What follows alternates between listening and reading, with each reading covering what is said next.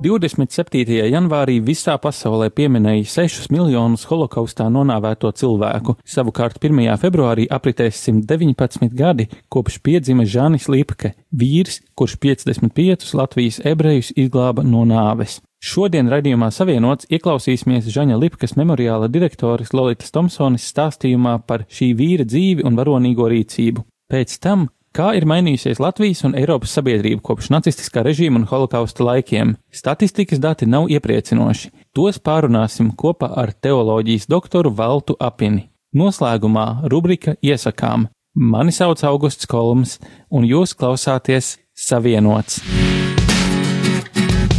Esi savienots ar mums, Radio Marija raidījumā Savienots. Raidījums sadarbībā ar Kristīgo portālu Tuvumā.CLV. Uzklausām, vērtējam, izpētām un iesakām. Trešdienās, pulksten piecos pēcpusdienā. Es esmu savienots!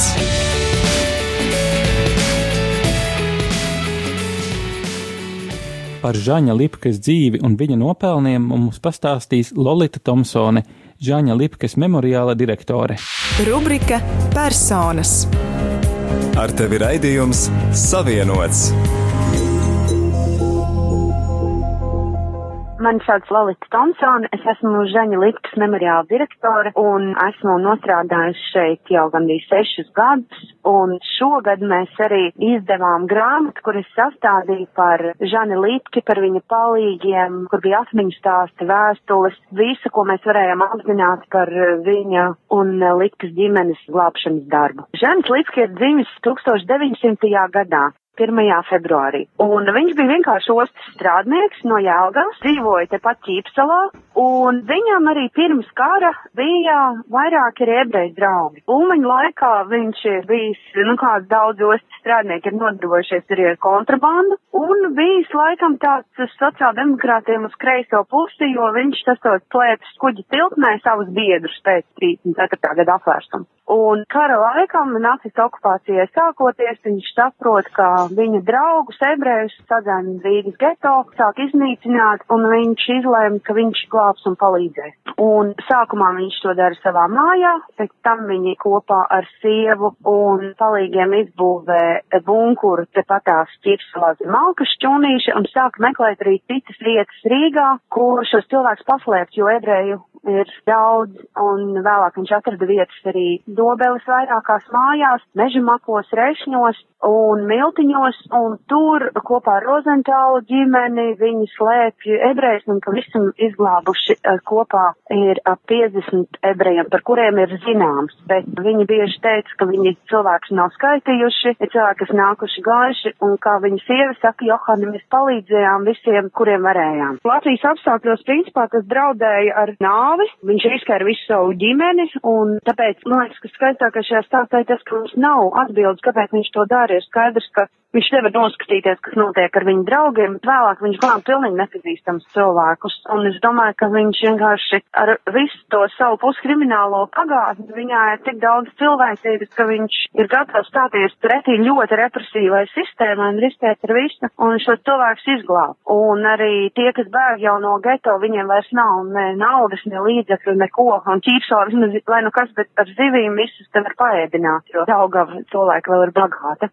Svarīgākais ir tas, ka viņš cilvēkos arī par kuriem tiek nacistu propagandas vitenis griežas un kuri tiek saukti visi par žīdu bolševikiem, ka viņi, jebkas no visiem antisemītiskajiem izteicieniem, ka viņš ir šai propagandai gatavs nepakļauties, domāt pats ar savu galvu un sirdi. Johāna ir katolieta un ticīgs cilvēks, es domāju, ka varbūt tas arī spēlē lomu, un uh, viņi ir gatavi, principā, ziedot savu dzīvi tam, lai šie cilvēki varētu izglābties. Un mūsdienās, man liekas, tā drosme un cilvēku mīlestība ir nu, nu, tāds paraugs un ideāls, kuram mēs varētu tikai par sapņot pietuvoties un ieraudzīt cilvēkos, par kuriem saka, ka viņi nav tādi vai viņi ir savādāki vai viņi nav kristieši, piemēram, bet ka viņu dzīvībai ir vērtība, man liekas, un tas ir tāds ļoti universāls un ļoti spēcīgs vēstījums. Un Žanis ar Johānu ir pieauguši cilvēki, jaunākais viņa dēls ir Zigis, kuram kara laikā ir no 8 līdz 12 gadiem, un arī šis puika ir tas, kurš ir gatavs gatavs nosargāt noslēpumu, nevienam neizstāstīt, ka viņa mājā ir bunkurs, kur apakšā slēpjas cilvēki. Un viņš arī no bērna puses, tas ir kaut kas tāds ļoti neparasts, ka viņš ģimenes misijas stāstā, viņš ir iekšā. Un tad, ka viņam esot bijis bail, viņš nakšņojas esot suņu būdā, jo tur esot bijis visdrošāk, kad tās ir māte bija prom, viņi, viņi nesas geto ēdienu vai bija kaut kur prom tādās savās slepenajās lietās. Un viņš arī pēc tam, kad bija pieaudzis, viņš teica, ka un ka tās viņam ir uzticējies, ka abi vecāki viņam ticēja, ka tas bērns viņus nenodos, un tas ir kaut kāds ļoti neparasts stāsts, kad bērnam tiek uzticēts kaut kas tik ļoti smags, nezinu, kāda būtu mūsdienu attieksme tagad, kad mazam puikam tiek it kā uzlikt tāds liels sloks, bet viņi kā ģimene kopā tika galā. Un viņa nezaudēja vēlāk arī kontaktu ar tiem izglābtajiem. Tie, kas bija vēl Rīgā vai Latvijā, tie arī nāca ciemos uz Ziemassvētkiem, uz dzimšanas dienu, uz Jāņiem, jo Žens Litki īstajā vārdā Jānis. Un tas kontakts ar šiem cilvēkiem vēlāk jau caur vēstulēm turpinājās principā visu Žena Litkas mūžu. Pagājuši gadu Latvijas simtgadus ieceros tapa filma par Žana Litki, tās nakts, kurā Arturs Krastiņš spēlē Žana Litki un režisors Dāvis Sīmenis, pie kā ilgi tika strādāts un filmas saņēma arī daudz lielos kristapus un ir ļoti apmeklēta. Un tā ir tā retā filma, kas arī Latvijas simtgadē ir uzrunājusi ne tikai latviešu auditoriju, bet arī krievu auditoriju, un cilvēki ir uzzinājuši par šo gan glābšanas stāstu, un daudz no viņiem ir uzzinājuši vispār ka bija rumbula, kas tur notika, kā par ebreju vajāšanām, par holokaustu. Un tā ir pirmā Latvijas filma, kurā holokausts patiesībā ir centrā. Viņa visu laiku bija kinoteātros, un man liekas, ka viņi joprojām turpina rādīt. Man liekas, es redzēju, ka Glen Peles un kino bīze bija, bet visu laiku pirms tam viņi gāja forum cinemās.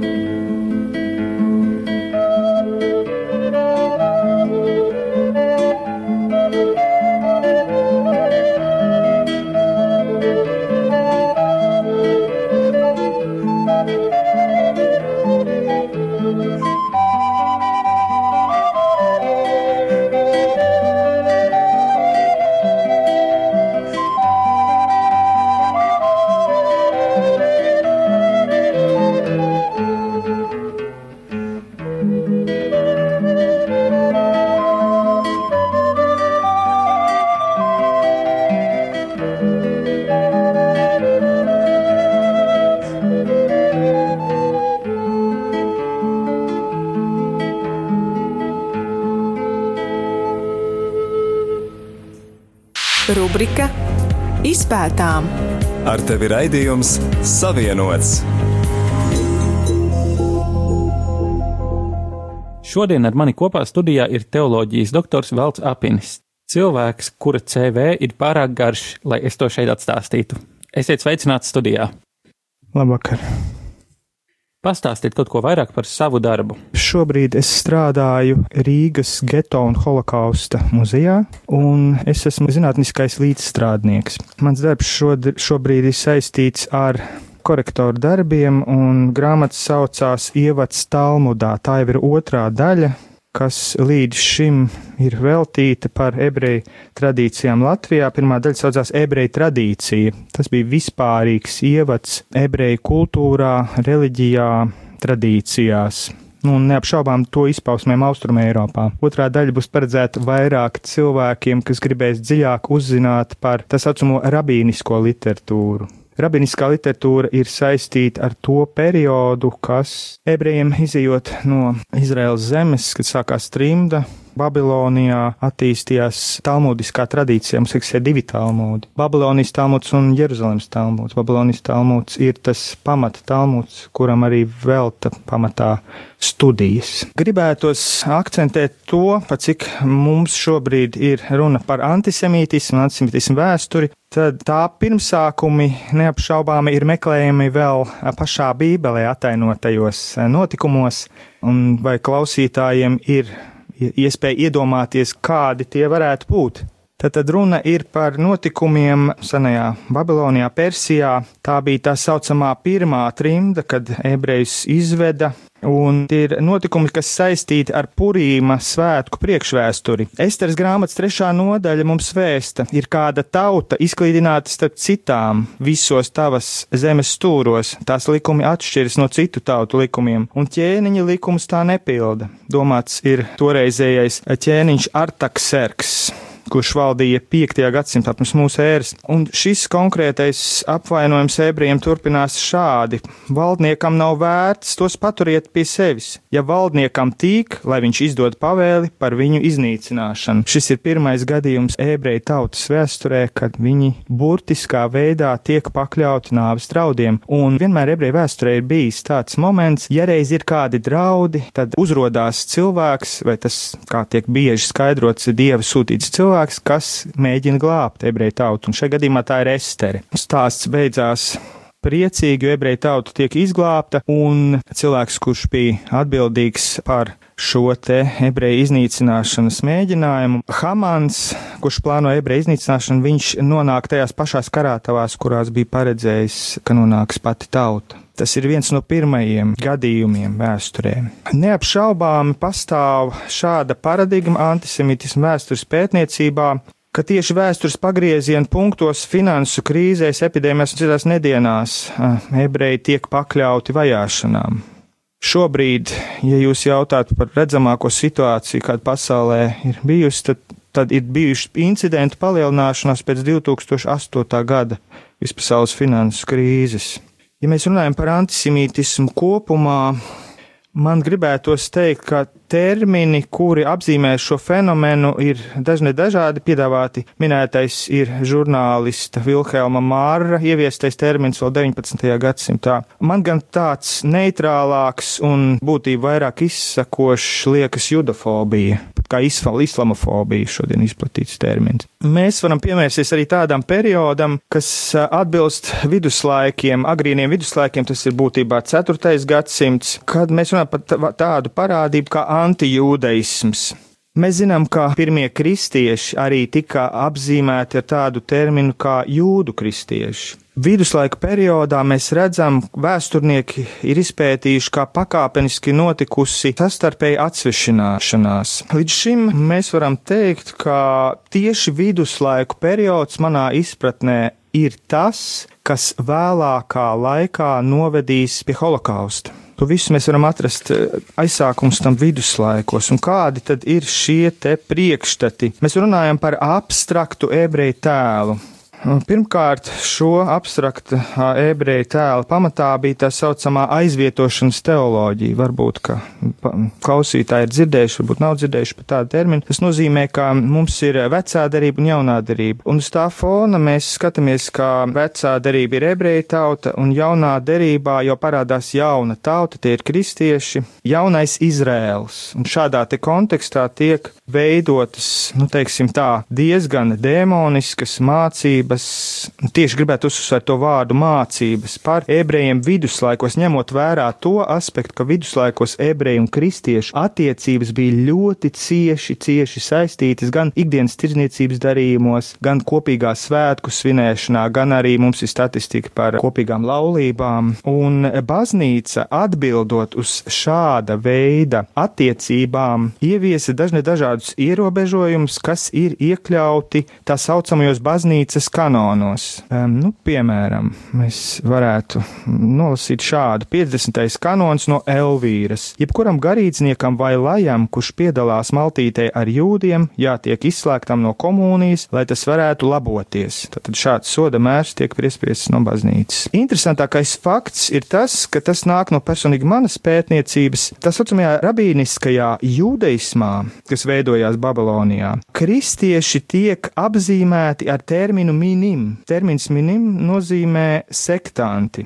Tātad tā ir uzskatāma rabīnu acīm par jūdu sektu. Tā pašā laikā mēs redzam, kas notiek pašos viduslaikos. Viduslaikos jūdi tiek nolikti vienā līmenī ar herētiķiem. Jeb jūdi tie arī ir herētiķi. Un jebkuram, kurš piedalās disputos, kas bija ļoti izplatīts viduslaiku teoloģisko diskusiju risināšanas veids, arī bieži piedalījās. Un par disputu vienā no kanoniem teikts šādi.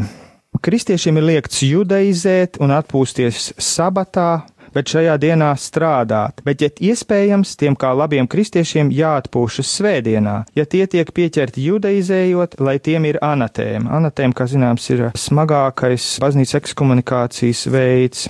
Tāpat tiek liekts kopīgi svinēt svētkus vai ņemt dāvans no jūdiem. Šajā vienā konkrētajā kanonā minēta Pesach svētku svinēšana un par to draud izslēgšanu no baznīcas. Tāpat jebkurš bīskaps, priesteris vai diakons, kurš rada apmulsumu draudzē baznīcās ēdot kopā ar jūdiem pesach mielastu, tiks uzskatīts par izslēgtu no baznīcas. Šādi kanoni mums sastopami gan no Antiohijas, gan no Laodīķejas 4. gadsimtā.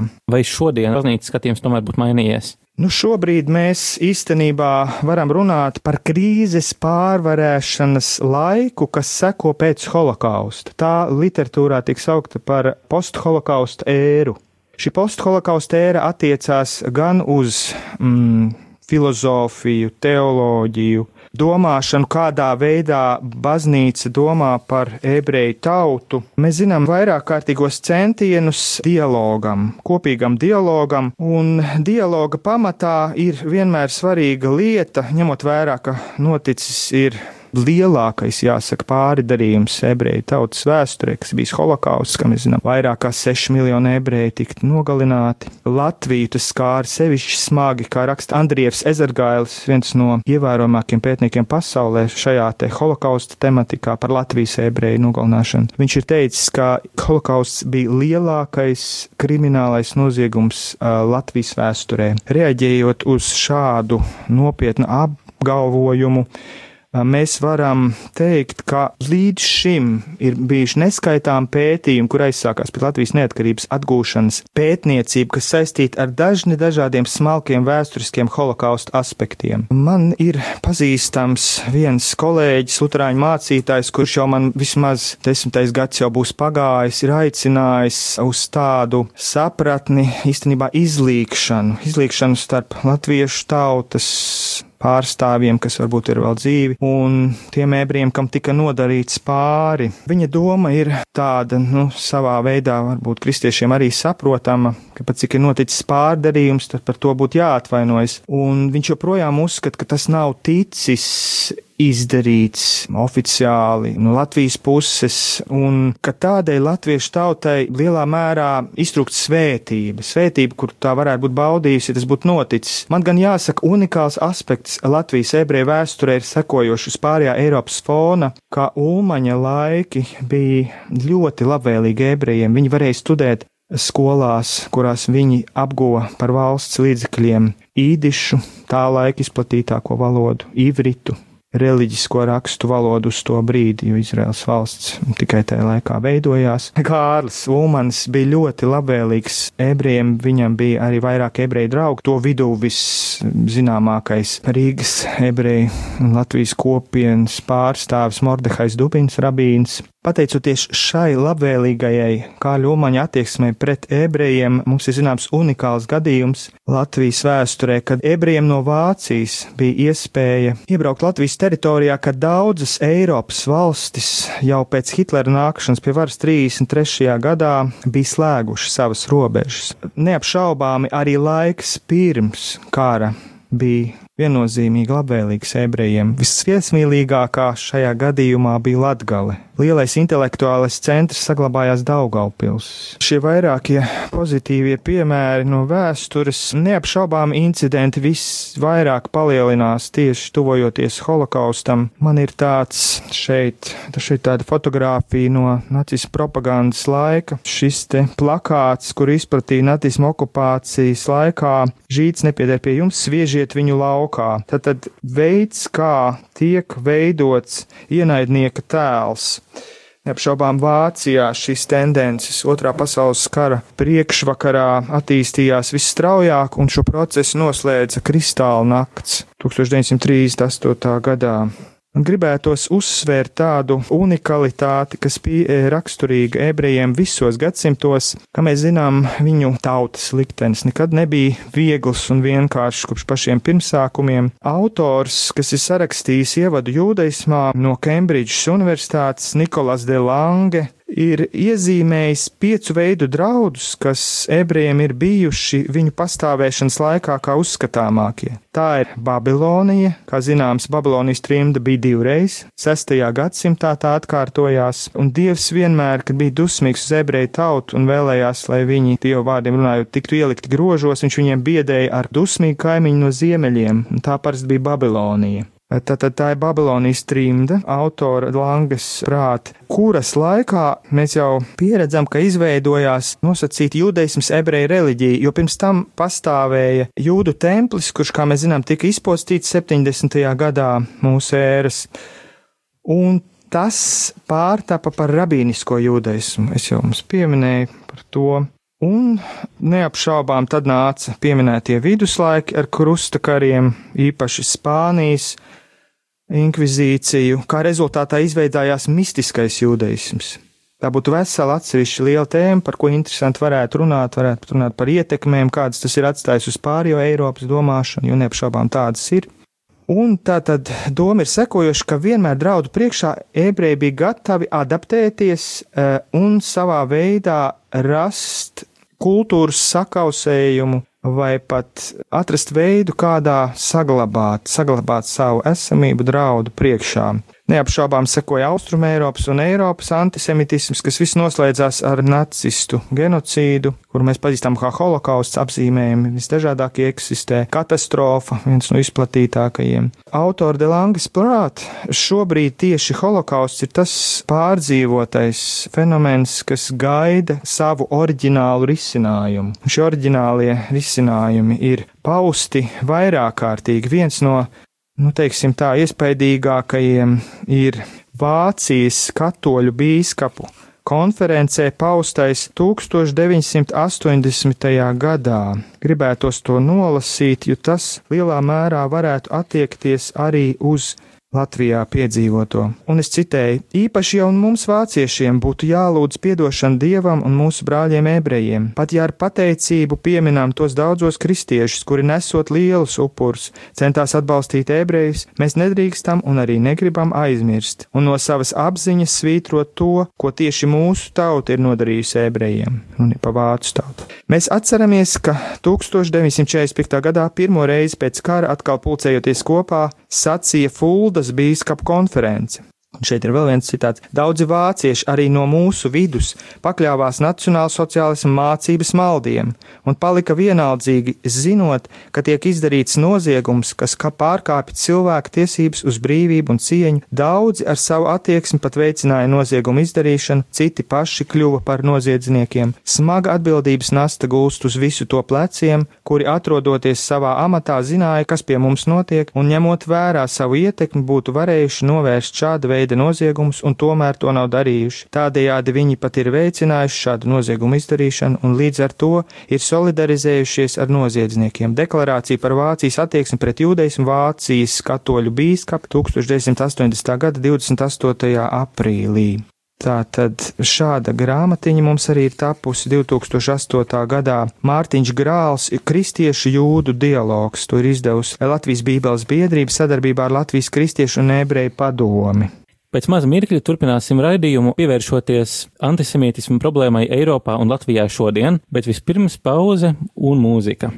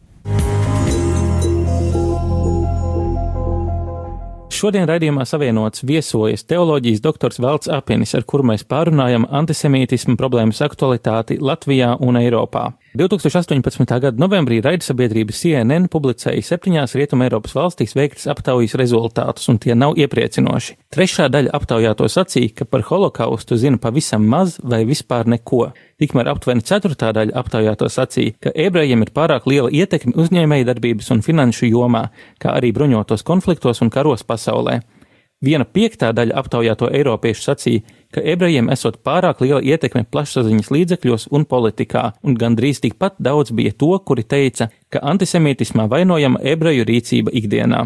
Līdzīgā pētījumā, ko 2014. gadā veica starptautiskā nevalstiskā organizācija Anti-Defamation League, Latvijas iedzīvotāju vidū izplatītākie antisemītiskie apgalvojumi bija, ka ebrejiem ir pārāk daudz varas starptautiskajos finanšu tirgos, ebreji vēl joprojām pārāk daudz runā par to, kas ar viņiem notika holokaustā, ebrejiem ir pārāk daudz varas biznesa pasaulē, un ebreji ir lojālāki Izraēlai nekā Latvijai. Kādēļ, jūsuprāt, šīs idejas ir tik nezūdošas? Jā, šādi pētījumi ir, un vairākas organizācijas tos pārstāv, tostarp Eiropas Savienības komisija. Latvija uz pārējo valstu fona, 28 Eiropas valstis, izskatās kopā ar Baltiju viscerīgāk, jo mums ir aptaujas, kurās respondentiem tiek jautāts par to, vai antisemītisms ir problēma Latvijā. Kopumā 79% atbild, ka nav problēma.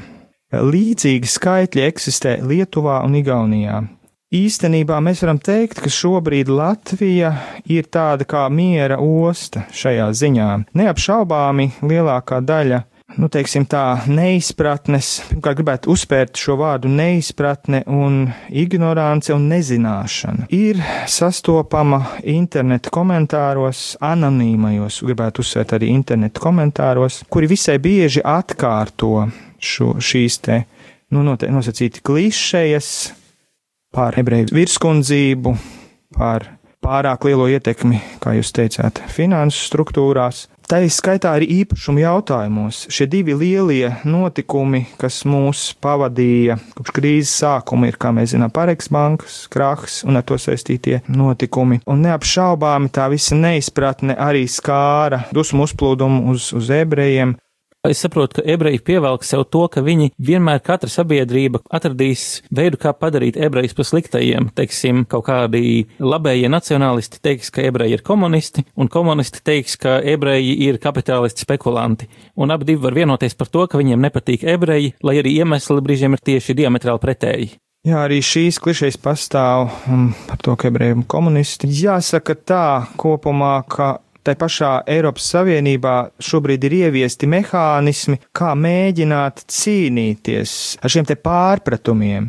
Un visefektīvākais veids, neapšaubāmi, ar ko arī liecina Zviedrijas pieredze, ir e, mācīt par holokaustu skolās. Manuprāt, šobrīd viss pozitīvākais notikums, kas Latvija ir skājis, skāris taisni uz simtgades pasākumiem, ir Dāvis Sīmaņa junior jaunā filma Tēvs nakts, kas tika veltīta, kā jūs zinat, redzamākajam no ebreju glābējiem, Žanim Lipkem, kurš izglāba aptuveni 55 ebrejus. Priecīgi ir dzirdēt, ka to, ka taisni skolēni ir tie, kuri apmeklē gan filmas pirmsrādi, dažādos Latvijas kultūras namos. Filmas pamatā ir Ineses Zanders grāmata Puika ar suni, un tas ir tāds ļoti veiksmīgs veids, kas adaptē šo briesmīgo holokausta stāstu un mēģina to pastāstīt bērnam, bērna izpratnē, darīt to saprotam, un no tā ir tapusi filma, manuprāt, kaut arī varbūt latviešu izcelsmes režisoram, cilvēkam ir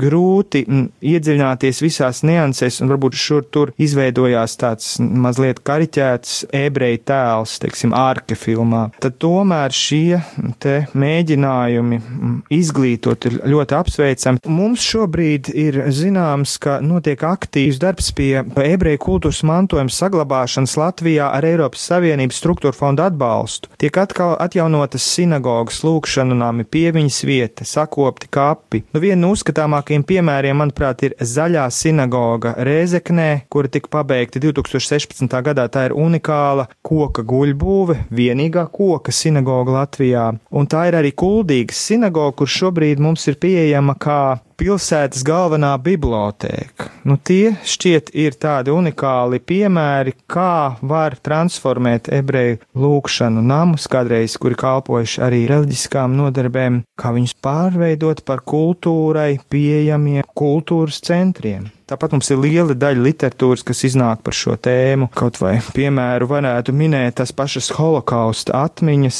Mums ir vismaz trīs, nu, tas ir manā skatījumā, neapšaubām ir arī vairāk. Elmāra Rivoša atmiņas par holokaustu, publicētas latviski. Holokaustā izdzīvojušās Frīdas Mihelsons atmiņas, kurš, manuprāt, arī ir visdramatiskākās, es izdzīvoju Rumbulā un vēl daudzas citas grāmatas, kas turpina un turpina papildināt šo te grāmatu klāstu un iepazīstina mūsu publiku ar notikumiem, kuri varbūt lielākā vai mazākā mērā dažiem nemaz nav bijuši zināmi. Zviedrija viens no tādiem uzskatāmākajiem piemēriem šobrīd, nu jāsaka, diemžēl, un arī savā veidā par laimi, jo tur arī mēģina cīnīties ar šo te pieaugušā antisemitismu parādību. Tātad ir tāds Levandi Historia muzejs, dzīvās vēstures muzejs Stokholmā, kurš nodarbojas ar, gan ar antisemītismu fenomenu pētīšanu, gan īpaši uzsver veidus, kā to pārvarēt, izglītojot. Tātad tajā projektā ir arī iesaistīti daudzi Zviedrijas skolotāji, un viņi nodarbojas ar šo jautājumu. Neapšaubām, ka Zviedrijā arī ir tā lieta, ka ir bijuši pēdējā laikā incidenti, vismaz divus mēs zinām no 2000, nemaldos 17. gada, kad gan Gēteborgā, gan Malmē notika daži būtiski incidenti saistīti ar mm, ebreju sinagogām. Konkrētais gadījums no Gēterborgas, kad tur tika iemesti molotovu kokteļi. No kurienes nāk šie antisemītiskie strāvojumi? Šo konkrēto parādību zinātnieki jau ir nosaukuši par anticionismu. Mēs zinām, ka kopš 2015. gada, kad Eiropā parādījās lieli bēgļu pieplūdumi no tuvajiem austrumiem, tad šī parādība anticionisms ir kļuvusi sevišķi sāsināta. Tā ir vērojama gan Francijā, gan Vācijā, gan arī mūsu minētajā Zviedrijā, un neapšaubāmi Zviedrijas gadījums ir, nu, varbūt lielākā vai mazākā mērā arī izņēmums, jo tur, kā zināms, ir liela Palestīnas pilsoņu daļa, kura tur mīt, un viņi vienmēr ir izrādījuši pretestību. Pretestību neapšaubāmi ar situāciju Gazā, kas ir neviennozīmīga un sarežģīta gan ebreju Izraels valsts pastāvēšanas jautājumā, Tas ir interesanti, ka jūs pieminat šo islāma pasaules ietekmi. Pagājušā gada 29. novembrī New York Times autori Barī Vaisa rakstīja, ka viņi izšķir trīs veidu antisemītismu, kas būtu viens tas pazīstamais, varbūt tas etnonacionālistu, ksenofobiskais antisemītisms, tas ar vienu pavīdu politiskajā retorikā, varbūt saistās ar nacistiem visvairāk, bet tad tikpat ļoti izplatību gūst arī islāma fundamentālistu antisemītisms, kas sakņojas atkal tādos islāma kultūras aizspriedumos pret ebrejiem. Un tad līdzās tam visam vēl parādās tāds politiski kreisais antisemītisms, kur redzējumā ebreļi ir daļa no privileģētajiem baltādainajiem kolonizētājiem. Vai jūsuprāt šie trīs rāvojumi, vai jūs arī ko tādu redzat? Redziet, tuvie austrumi ir šobrīd atrodas īpašā, mm, nu, teiksim tā, īpaši karstie punkti. Un Eiropas un pasaules situācija sāsinās tieši šajos karos, kas ir saistīti arī ar tā saucamās islāma valsts, mēģinājumu izveidot islāma valsti. Mēs redzam, cik daudz valstis nu, teiksim tā, nostājās vienā vai otrā pusē šajā arī konfliktā.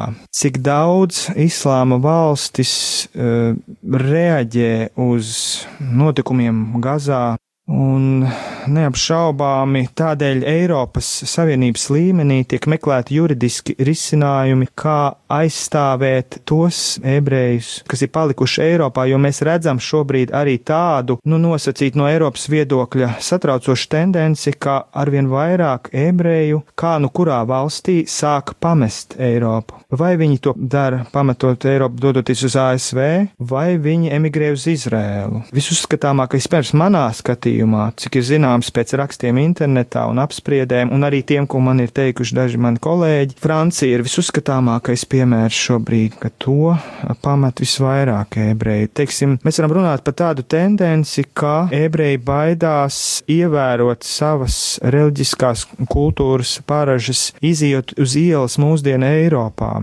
Tas nozīmē, viņi ir spiesti, un rabīni visai bieži dažādās valstīs aicina viņus atteikties nesāt kipu. Tātad šo te galvas segu tradicionālo, kura mums ir ieviesusies mazāk vai vairāk no viduslaika perioda. Jūs zināt, ir tāds joks, kas saka, kādēļ kristieši, ieejot baznīcā, noņem cepuri. Tādēļ, ka ebreji ienākot sinagogā uzliek cepuri. Kas būtu tas, ko mēs kā kristieši varētu darīt, lai cīnītos ar šo antisemītismu, no kā cieši ebreji? Nu, neapšābām kristiešu pozīcija vienmēr ir mēģinājums samierināties un mēģinājums saprast otru, un, un tāpēc te ir runa par piedošanu, par kopīgu mantojumu apzināšanos, jo mēs zinām, e, ebreju tautas apzīmēšanā kopš sendienām tiek lietots tāds termins amhasefer. Tātad teksta tauta, grāmatas tauta, gan kristieši, gan jūdi no bibliskā skatījuma ir teksta tauta, tāpat kā neapšaubām musulmaņi. Tātad mēs varam teikt, ka visas, visa viņa tā vēsturiskā un reliģiskā un kultūras bagāža ir balstīta tekstos, pirmkārt jau bibliskajos tekstos. Man šķiet, ka svarīgi ir meklēt kopīgu pamatu un mēģināt kopš šī te milzīgā pārāvuma, kas gadsimta laikā ir izveidojies kopš, sevišķi jau kopš viduslaikiem, meklēt atpakaļ ceļus kopīgai sapratnēji, Tad, lai Dievs mūs visus uz to svētī, mūsu sarunas laiks tuvojas noslēgumam, vai jums ir kāda grāmata, ko jūs vēlaties ieteikt? Nu, man šķiet, vissvarīgākā šobrīd varētu būt ebreju tradīcija, kura dod tādas pamatzināšanas par to, kādas ir ebreju tradīcijas, rituāli, svētki, kāda ir viņa priekšstata par pasauli. Neapšaubām ir vēl vairākas grāmatas, īpaši specifiska ir kristiešu jūdu dialogs, kur jau pieminējām, kur sarakstījis mācītājs Mārtiņš Grāls. Tā ir pieejama latviski, arī krievu valodā. Par minēto antisemītismu mums ir pieejami vismaz trīs pētījumi. Didzis Bērziņš, Ilja Ļenskis, antisemītismu izpausmas vēsture un mūsdienas 2015. gads Latvijas cilvēktiesību centrs. Denisa Hanova un Valda Tērautkalna sarakstītā grāmata Antisemītisms un islamofobija Latvijā pagātnē aktuālā situācija ir izcinājumi 2006. gads, un neapšaubāmi viens no pirmajiem pētījumiem par šo tēmu - Leo Dribins Antisemītisms un tā izpausmes Latvijā, ko ir izdevis Latvijas vēstures institūts 2002. gadā. Paldies par jūsu laiku! Rubrika Iesakām! Ar tevi raidījums Savienots. Šovakar jau vairāk kārt tika pieminēta filma Tēvs nakts, un arī Kristīgā mēdīja tuvumā LV redakcija iesaka noskatīties šo 2018. gadā tapušo mākslas filmu. Filma veidot pēc Ineses Zanderis romāna Puika ar suni stāsts par nosargātu noslēpumu motīviem. Žaņa Lipkes lomu atveido Artūrs Krastiņš. Aicinām klausītājus arī dalīties pārdomās par šodienas raidījumā dzirdēto. Rakstiet kristīgā mēdīja tuvumā LV redakcijai uz e-pasta adresi redakcija at tuvumā LV. Mūs var atrast arī sociālajos tīklos, Facebook kā tuvumā LV un Twitter kā at tuvumā. Aktuālajiem jautājumiem par ebreju tautu, tostarp arī par Izraēlas valsti, noteikti pievērsīsimies kādos turpmākajos raidījumos. Uz tikšanos nākamreiz! Tu klausījies raidījumu Savienots. Būsim atkal ēterā trešdien, pulksten piecos pēcpusdienā. Klausies mūsu radio Marija un lasi kristīgo portālu tuvumā.clv. Es esmu savienots!